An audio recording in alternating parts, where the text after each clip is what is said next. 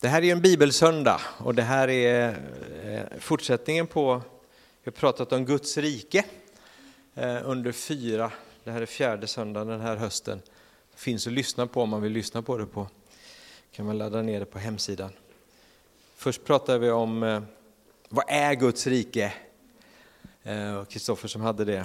Och jag bara kommer ihåg en sak som jag kom ihåg från den söndagen, det var att han läste det här, nu ett söken först Guds rike och hans rättfärdighet så ska allt det andra tillfalla er. Precis före det så står de, därför står det ska ni söka Guds rike. Vad, vad är det som står innan där? Jo, det står om oro och bekymmer.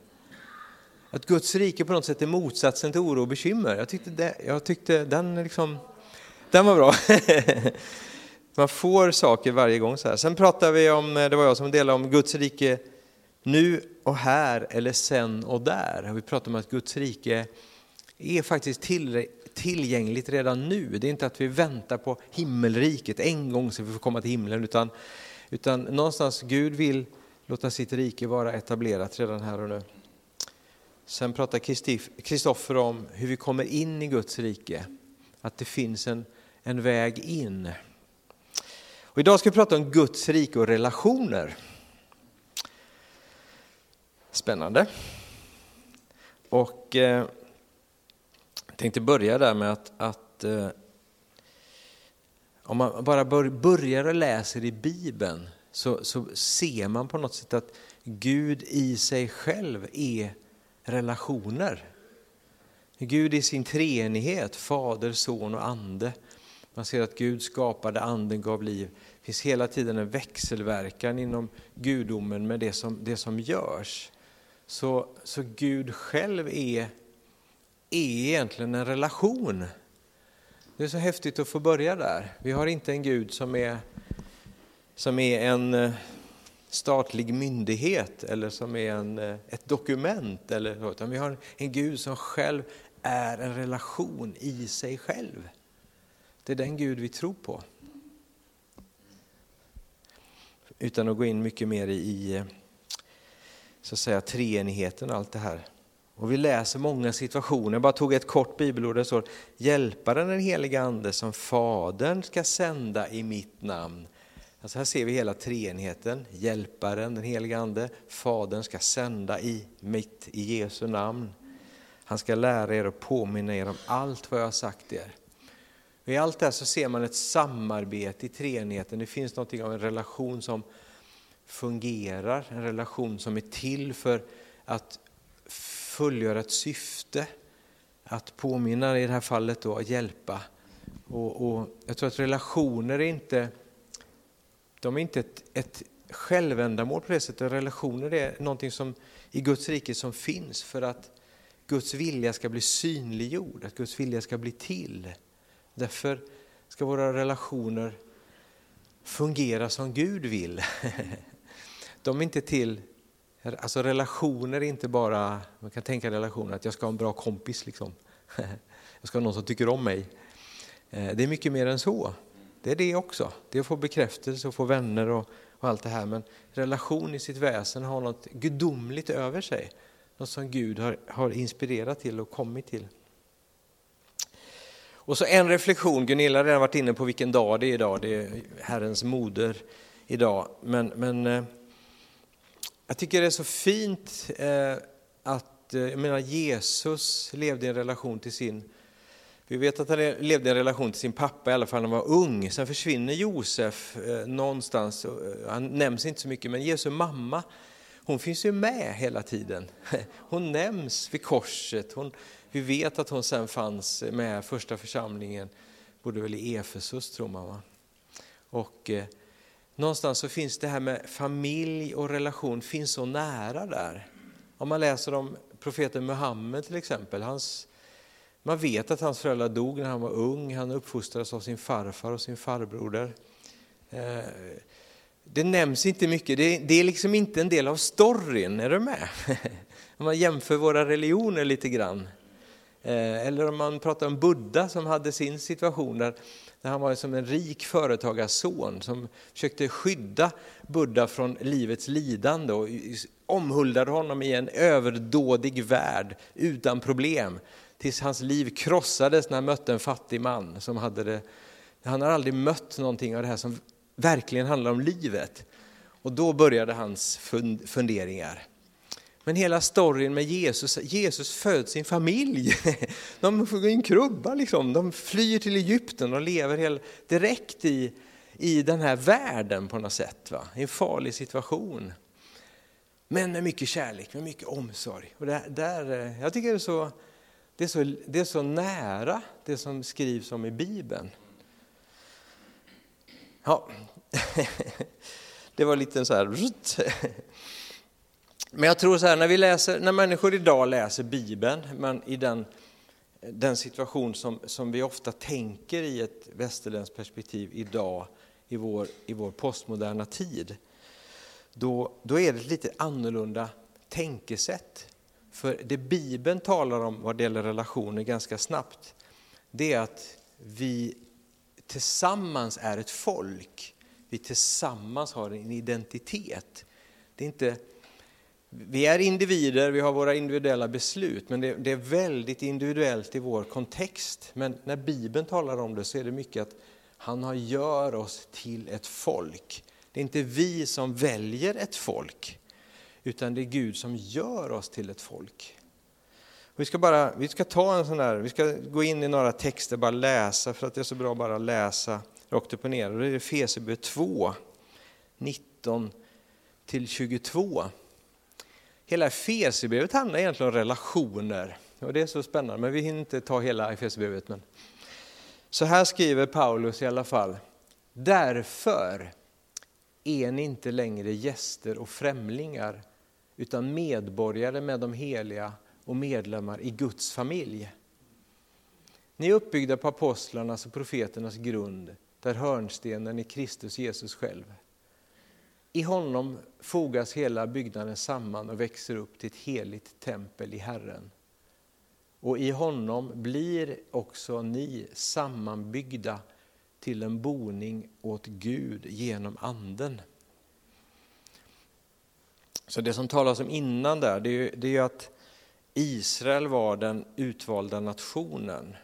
Och var man född så att säga, Israel, eller född i, jude i nationen, då var man en del. Var man hedning, bodde någon annanstans på jorden, så var man utanför. Och det stora som Jesus gör, det är att han inkluderar hela mänskligheten i sin gemenskap. Det är därför det här bibelordet börjar med därför. Men det som står sen är ju att, att det är inte vi som väljer.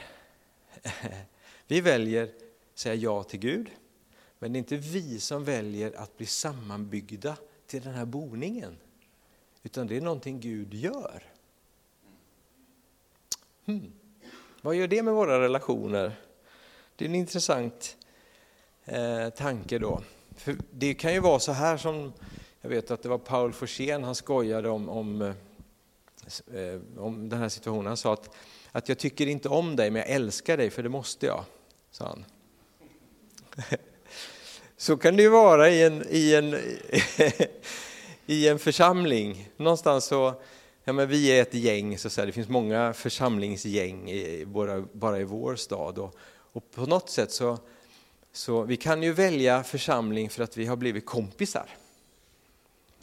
Men vi kan också så att säga, se vad är det Gud har gjort i det, att Gud har faktiskt fört oss samman. Så vi måste älska varandra. Ibland kanske vi inte gillar våra syskon. Är du med? Men de är våra syskon. För Gud har gjort oss till ett folk. Och Det här kan vi behöva klura på lite grann, för det här är ju det här är då inte ur ett individualistiskt perspektiv, att jag själv väljer, utan Gud har gjort något. Sen är det klart att jag har dem, kanske jag står närmare och vänner och så här och det är inget, det är inget fel i det så att säga. Men, men någonstans så, Gud skapar ett folk, en identitet. Bibeln är väldigt tydlig med det, att jag har i hela nya testamentet, jag har min identitet bland Guds folk. Vi vet vilka som är vi och vilka som är dem. det finns en mångfald, vi är väldigt olika, vi uttrycker saker på olika sätt, vi gillar olika slags mat, vi tycker om olika saker att göra när vi ska koppla av och sådär. Och i den här mångfalden så är det ändå, det är ändå en kultur som är Gudsrikeskulturen. Eh, och den är inte alltid likstämmig med kyrkans kultur, för att jag tänker det finns många nationaliteter, så vi uttrycker saker väldigt olika. Så vad är Gudsrikeskulturen? Den kanske inte är att man träffas en timme på söndag förmiddag och sen dricker kaffe. Det kanske inte är själva hur man sitter och var man går som är Gudsrikeskulturen, utan det är någonting att vi tillhör Kristus. Och vi kan träffa syskon, speciellt om vi får förmånen att resa till ett annat land eller någonting. Syskon som lever väldigt annorlunda. Men vi kan ändå känna att vi har, vi har liksom Jesus gemensamt. Det där är häftigt. Vi kan bara titta oss runt i Sverige och se att vi har syskon i andra kyrkor som har andra åsikter om väldigt mycket. Men det är vi ändå syskon. Vi ska komma tillbaka till det lite grann. Vi pratar ibland om, om också ordet koinonia, alltså gemenskapen. Det finns en speciell gemenskap bröder och systrar emellan där, där Bibeln talar om att, att på något sätt ställa upp för varandra, hjälpa varandra. Det var en flytt här i veckan och då, då var det ett gäng som kom och hjälpte till och bar saker och flyttade. Och det här, alla sådana praktiska saker är väldigt, eh, är väldigt speciella och hör till en, en, en, den gemenskap vi har som syskon. Men jag ska inte gå in i riktigt det, jag ska mer, mer hålla mig till, till själva grunden i Gudsrikestänket här kring relationer. Och jag vill ta det vidare då, från, från att, att Gud själv är gemenskap, Gud själv är relationer i sin person. Så vill jag prata om tre grundläggande relationer som finns i Guds rike. Kan ni tänka, vad är det för relationer om vi tar det riktigt grundläggande, vad är det för tre grundläggande relationer som finns i Guds rike? Nu får ni prata lite. Familjerelationer, kan man tänka. Ja. Födelse, ja. Det är så spännande här. Ja.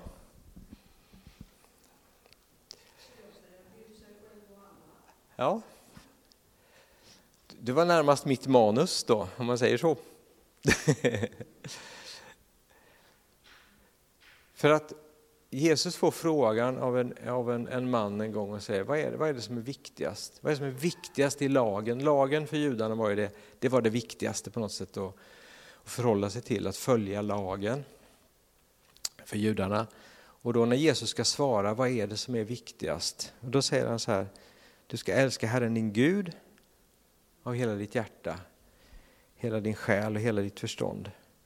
Sen kommer en av samma slag, du ska älska din nästa som dig själv. Din nästa och dig själv. Så i min tanke var på något sätt att det finns tre grundläggande relationer i Gudsriket. Och det är relationen till Gud. Eh, att få säga ja till Gud så säga, säga ja till Guds plan, att öppna upp för att det är inte jag själv som bestämmer, det finns en Gud. Den relationen, att ge sitt gensvar till vad Gud har gjort för mig genom Jesus, att ta emot den heliga Ande, ta emot Guds liv.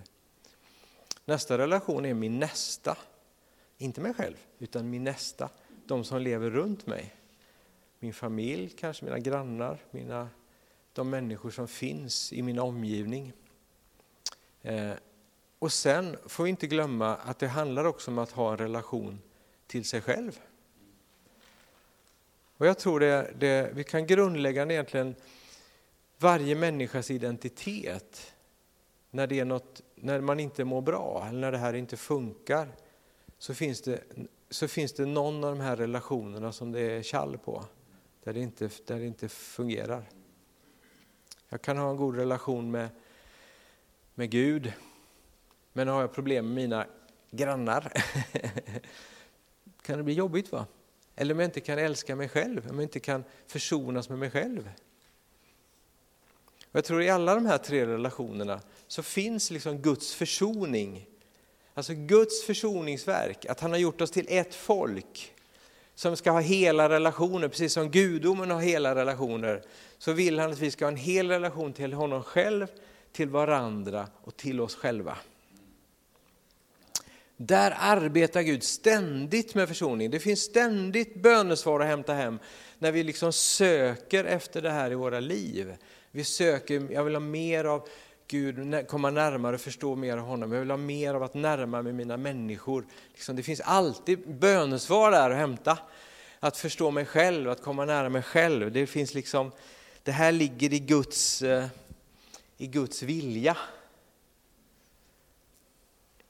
Amen. och det här som det också oftast, eh, oftast fighten står på något sätt med relationer. Eh, så är det ju.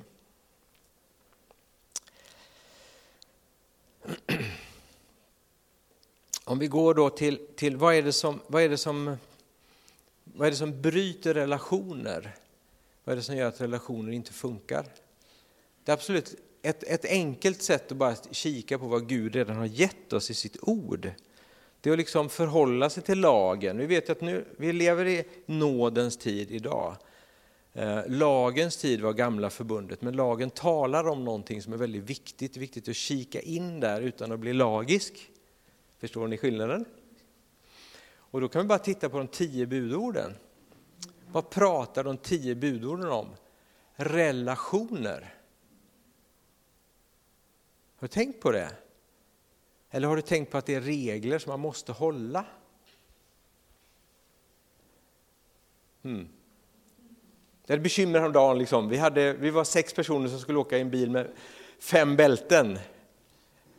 Och det var så här mycket funderingar på det här. Hur ska vi göra så här? Kunde vi lägga Kalle, som han hette, i, i bakluckan? och någon såg att vi stängde ner dem i en sån här liten baklucka. Så och stängde, nej, det var en stor bil. Men liksom så här, vi höll på med regeln där. Liksom så här, va? Och, och, så tänker vi om Guds bud ibland, så här, får vi eller får jag inte?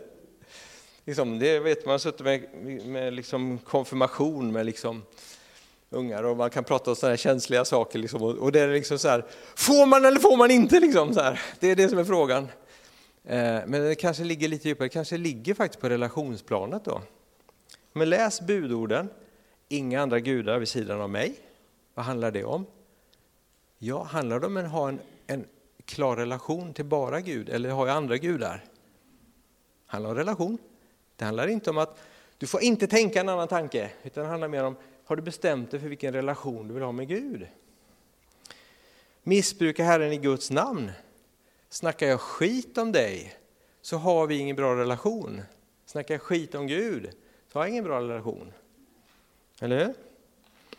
Tänk på att hålla sabbatsdagen helig. Det kanske har med relationen till mig själv och Gud att göra. Att ge tid till eftertanken och det som behövs. Vad står det sen? Visa aktning för din far och mor så får du leva länge i det land som Herren Gud har gett dig. Vad handlar det om? Det handlar om relationen till, till mamma och pappa. Eller hur? Allt handlar om relationer. Har du tänkt på det? Du ska inte dräpa. Det handlar om relationer.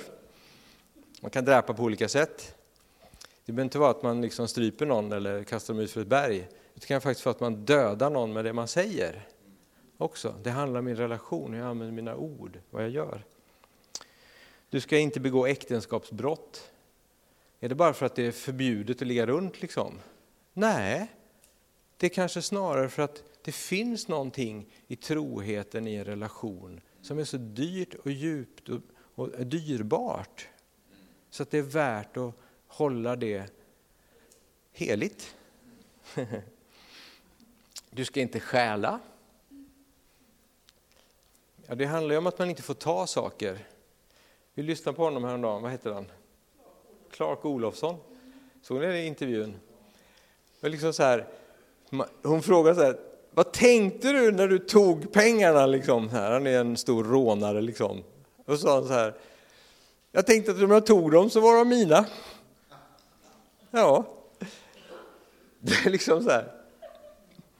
Och tänkte du på brottsoffren? Ja, då tänkte han så här, det är olika hur människor tar saker. Ja.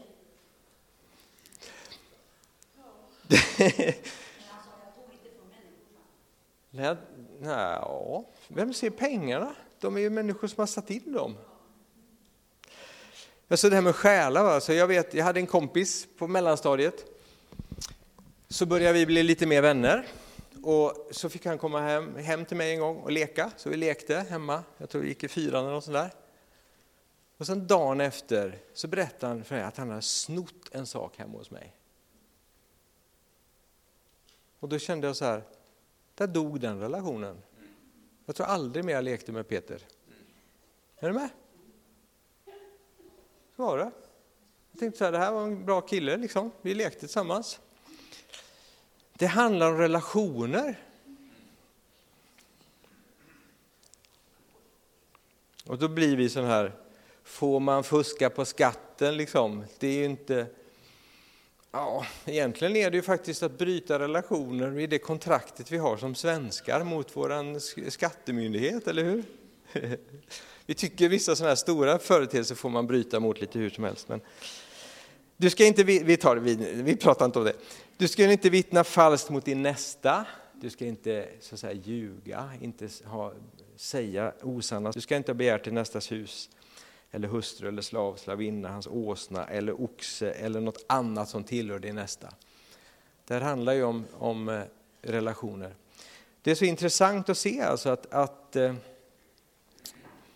i grunden så kanske vi tänker att vad är synd? Att det är så att säga då, det är som det här, får man vara sex i, i en bil men bara finns fem bälten, liksom, är det förbjudet att ligga i bakluckan och åka? Är du med? Så. Vi funderar på det utifrån det. Vi funderar inte på synd utifrån relationsperspektivet. Bryter jag en relation med Gud, mot en människa eller mot mig själv? Det är det som är synd. Är du med? Vissa ser lite fundersamma ut nu. För vi är så inne i regler och regelverk och vi är egentligen, vi, vi är, våra tänkande är väldigt lagiskt på det sättet. Men om man börjar tänka på att, att i Guds rike bygger på relationer så har egentligen det som, det som är synd ifrån från Gud, ifrån andra människor eller ifrån mig själv, det är det som är synd. Är du med?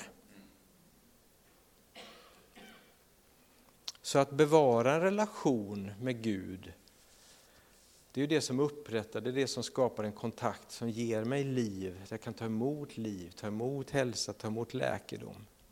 Det som får mig att ha gemenskap med människor, det är att jag har en öppen relation till människor, att jag inte lever i oförsonlighet, att jag inte så att säga stjäl eller tar något från någon annan.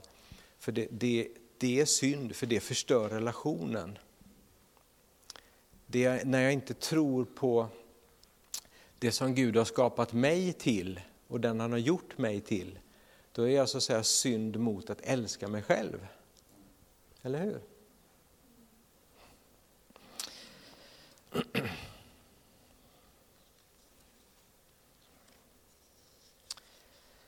Att svika den jag är liksom kallad till som människa. Ja, tiden, tiden går iväg här, men eh, bara nämna, jag, jag ser, om man läser Fesebrevet, eh, som, som handlar väldigt mycket om relationer, så bara nämna kort.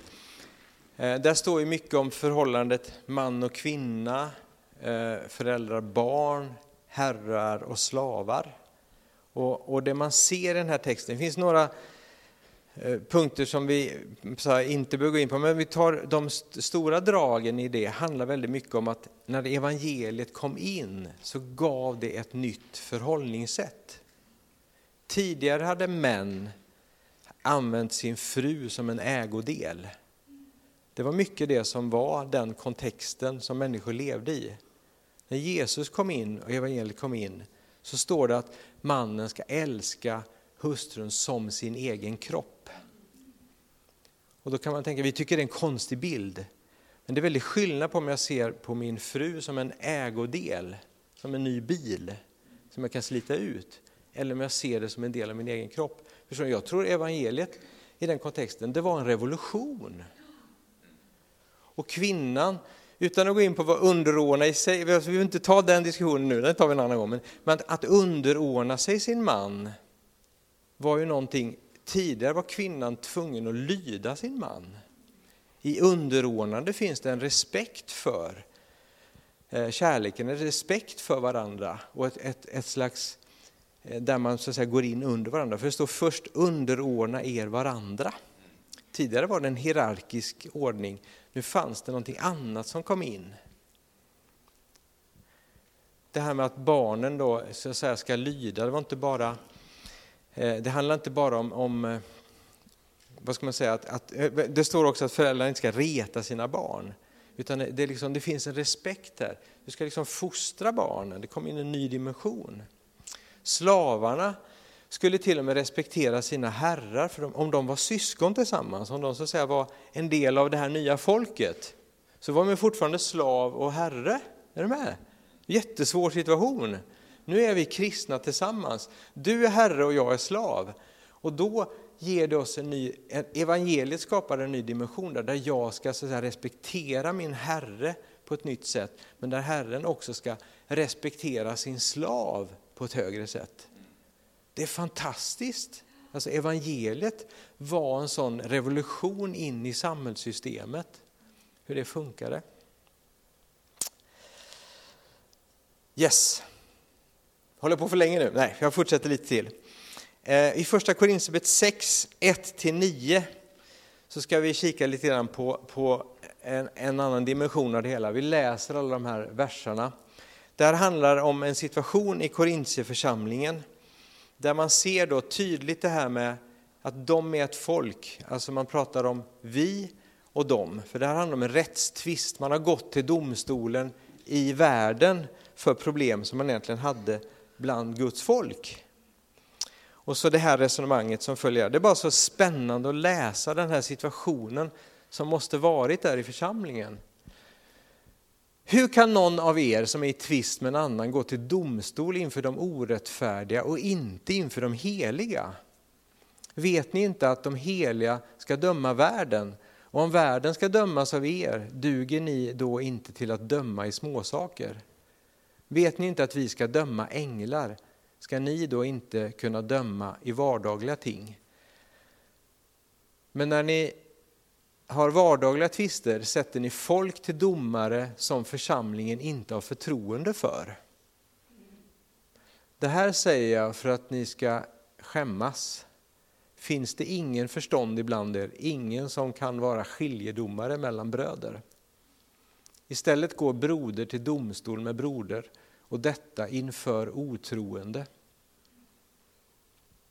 Redan detta att ni processar med varandra är ett nederlag för er. Varför tar ni inte heller en oförrätt? Varför tar ni inte heller en förlust? Istället gör ni er själva orätt och roffar åt er och det drabbar bröder.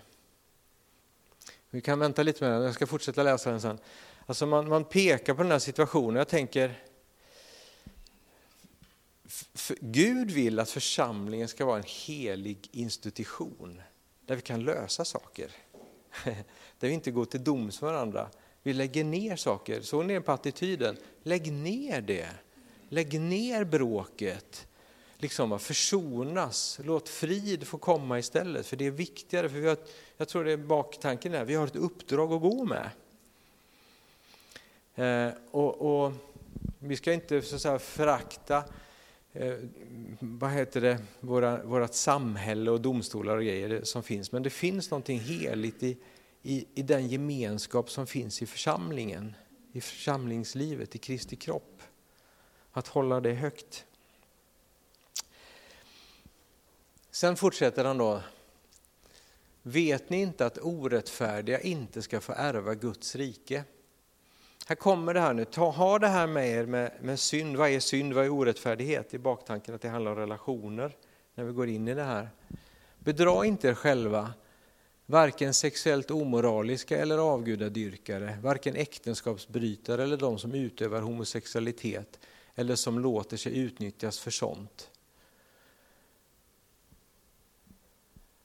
Fortsätter vi nästa vers. Har du den?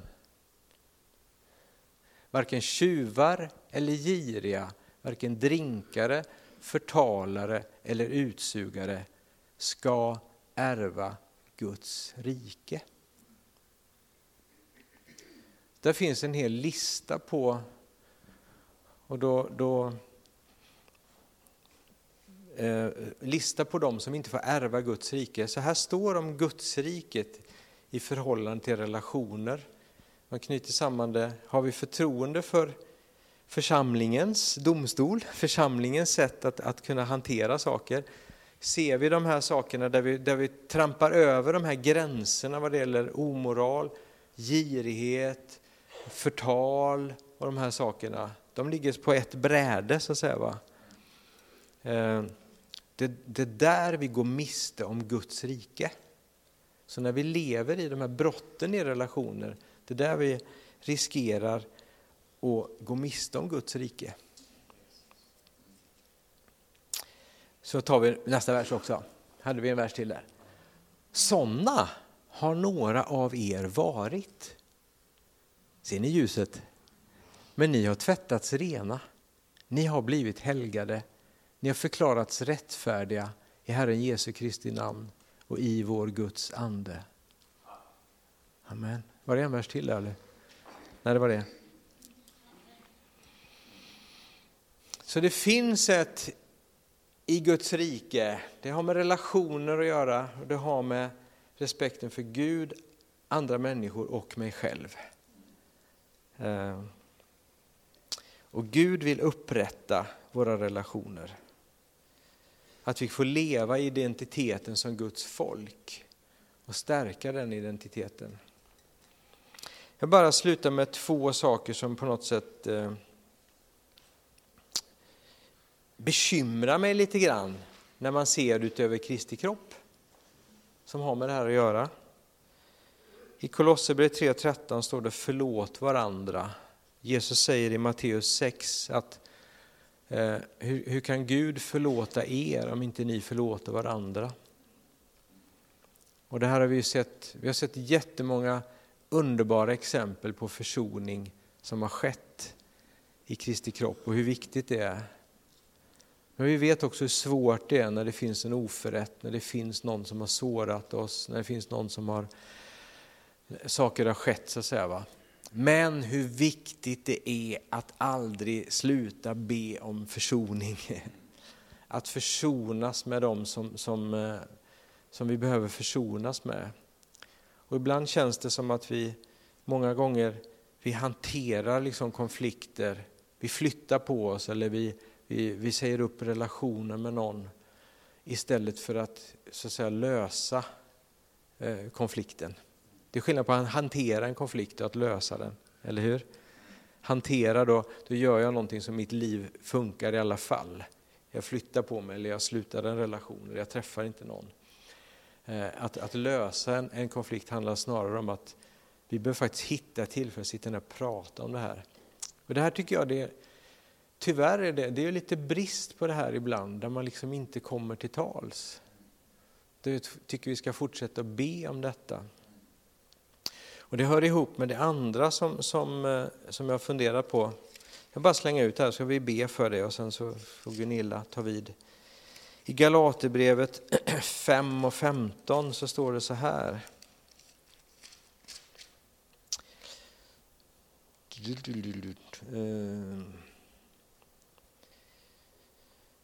Men om ni istället, jag har alltså olika översättningar, men om ni istället sårar och gör varandra illa, se då till att ni inte uppslukas av varandra. Eh, det står biter och sliter i varandra. Eh, och häromdagen så, en sån här, ni vet man, man upplever saker och så kopplar man ihop saker och så upplever man att Gud talar på något sätt i det här. Vi såg partiledardebatten i, var det söndags kväll eller var det? Det var, nej det kanske inte var, det var någon i, i början på veckan, så var det partiledardebatt. Och jag bara kände efter det, jag hörde andra halvan där, jag kände så här, gode tid vad de nabbas och grejer. Här, här står vi inför alltså vintern, eller decenniernas dyraste elvinter, vi har krig i Ukraina, vi har, liksom, vi har ett, ett hot mot Sverige, vi har en jättetuff situation. Folk som knappt kan köpa mat och alla möjliga saker. Och där sitter våra förtroendevalda och bara bråkar med varandra. Jag kände godhet i Jag hade hellre velat att de liksom reste sig upp och sa, vi tänker tillsammans ta ansvar för Sverige. Vi har svårt att lösa det här eh, eh, själva, men, men tillsammans kanske vi kan skapa en bredd och pengar till de familjer som behöver mat. Det hade jag hellre velat höra. Sen när jag vaknade på morgonen så gick jag in på, eh, satt jag där med liksom, grejer med min telefon och så gick jag in på Facebook. Och då var det en broder som hade, hade la ut där och så skrev han så här. Det var så fint i helgen, jag var i min kyrka och vi firade advent. Och sen började en teologisk debatt om hur fel hans kyrka hade teologiskt med olika saker. Och hur fel han var teologiskt. Och då skrev han efter, efter liksom ett antal diskussioner så, här, så skrev han, kan vi inte låta den här debatten vara i ett annat forum? Men kände jag så här, det är samma sak i kyrkan. Det är samma sak som de här politikerna. Jag blev så upprörd över det här. Jag kände, är det så vi håller på i Kristi kropp idag? Vi biter och sliter i varandra. Ja, det finns olika åsikter om saker. Och jag tänker så här ibland, när är det rättare att döma varandra än att så att säga försonas fast man har olika åsikter? Ja, jag vet inte, det är en svår fråga. Det finns frågor idag i kristenheten som håller på att liksom slå sönder kroppen på något sätt. Vi är ett folk. Jag har ingen lösning på de här svåra frågorna. Men jag känner någonstans, Gud skulle bara behöva förena sitt folk. Vi har blivit religiösa. Vi har världens sätt att resonera om varandra som troende. Och det här är inte bra. Slutar med någonting jättedeppigt den här predikan. Men jag tänker att ibland måste vi se nöden som den är. Ja, ta dagens bibelvers så blir det bra, säger Gunilla. Mina kära, låt oss älska varandra, ty kärleken kommer från Gud och den som älskar är född av Gud och känner Gud. Amen. Men jag tror ibland att vi får, mitt i julen och friden och det här, ibland kanske vi har julen och friden för att glömma av att vi faktiskt lever i en tuff värld. Men jag tänker, Gud kan låta oss få, få vara ett ljus i den här situationen. Tänk för att vi kan gå in i våran jul och skapa ett uns av försoning någonstans där det inte är försoning. Du träffar någon gammal släkting som du tycker så illa om och så får du gå ut den här julen där du har förändrat den situationen. Eller tänk om den här julen kan bli en jul där vi får förändra hur vi snackar om varandra i Kristi kropp. Att istället kan vi få med om att vi får vara med ena Kristi kropp på något sätt. Amen. Tack Jesus. Herre, vi tackar dig för ditt rike. Tack för att det är du som är kung i ditt rike, Herre. Och Jesus, vi vill lägga ner våra ambitioner, våra kronor och våra eh, tänkanden, Herre. Vi bara lägger det inför dig, Herre. Vi säger, vi vill, kom Guds rike. Vi vill se ditt rike, Herre. Vi vill se försoningen i relationer. Vi vill se verkligheten i vad ditt rike handlar om, Herre. Vi ber för Kristi kropp här idag, Herre, där det, där det biter och sliter. Och det är svåra frågor och det det är teologiska debatter och alla möjliga saker, Herre. Men vi ber, kom Herre och låt den enhet som finns ibland ditt folk, låt den få synas, Herre. Vi ber för de kyrkor som kämpar fortfarande efter covid och på olika sätt står i, i, i fighten efter att samla, samla folk igen på olika sätt, Herre. Eller där nya präster, pastorer finns, Herre, där, där situationen är annorlunda. Vi ber, kom Herre, ena ditt folk, Herre. Kom med försoningens ande, Herre. Kom med ditt ljus, Herre. Och tack att vi får gå med våra liv, ta ansvar för våra situationer in i den här julen Herre och bringa försoning Herre. Få, få se människor i ögonen Herre, få låta din kärlek komma in och förändra situationer Herre. Vi tackar dig för det Herre. Kom med försoningens ande Herre. Låt det ske under och tecken den här julen Herre. Vi prisar dig för det. Vi tackar dig Jesus att du föddes som en, en människa i ett stall Herre. Att du blev som en av oss, att du kan förstå våran kamp och våra svårigheter. Och det är det vi firar den här julen Herre. Vi tackar dig för det Herre. Så kom med ditt liv över våra liv Herre. Vi ber i Jesu namn. Amen.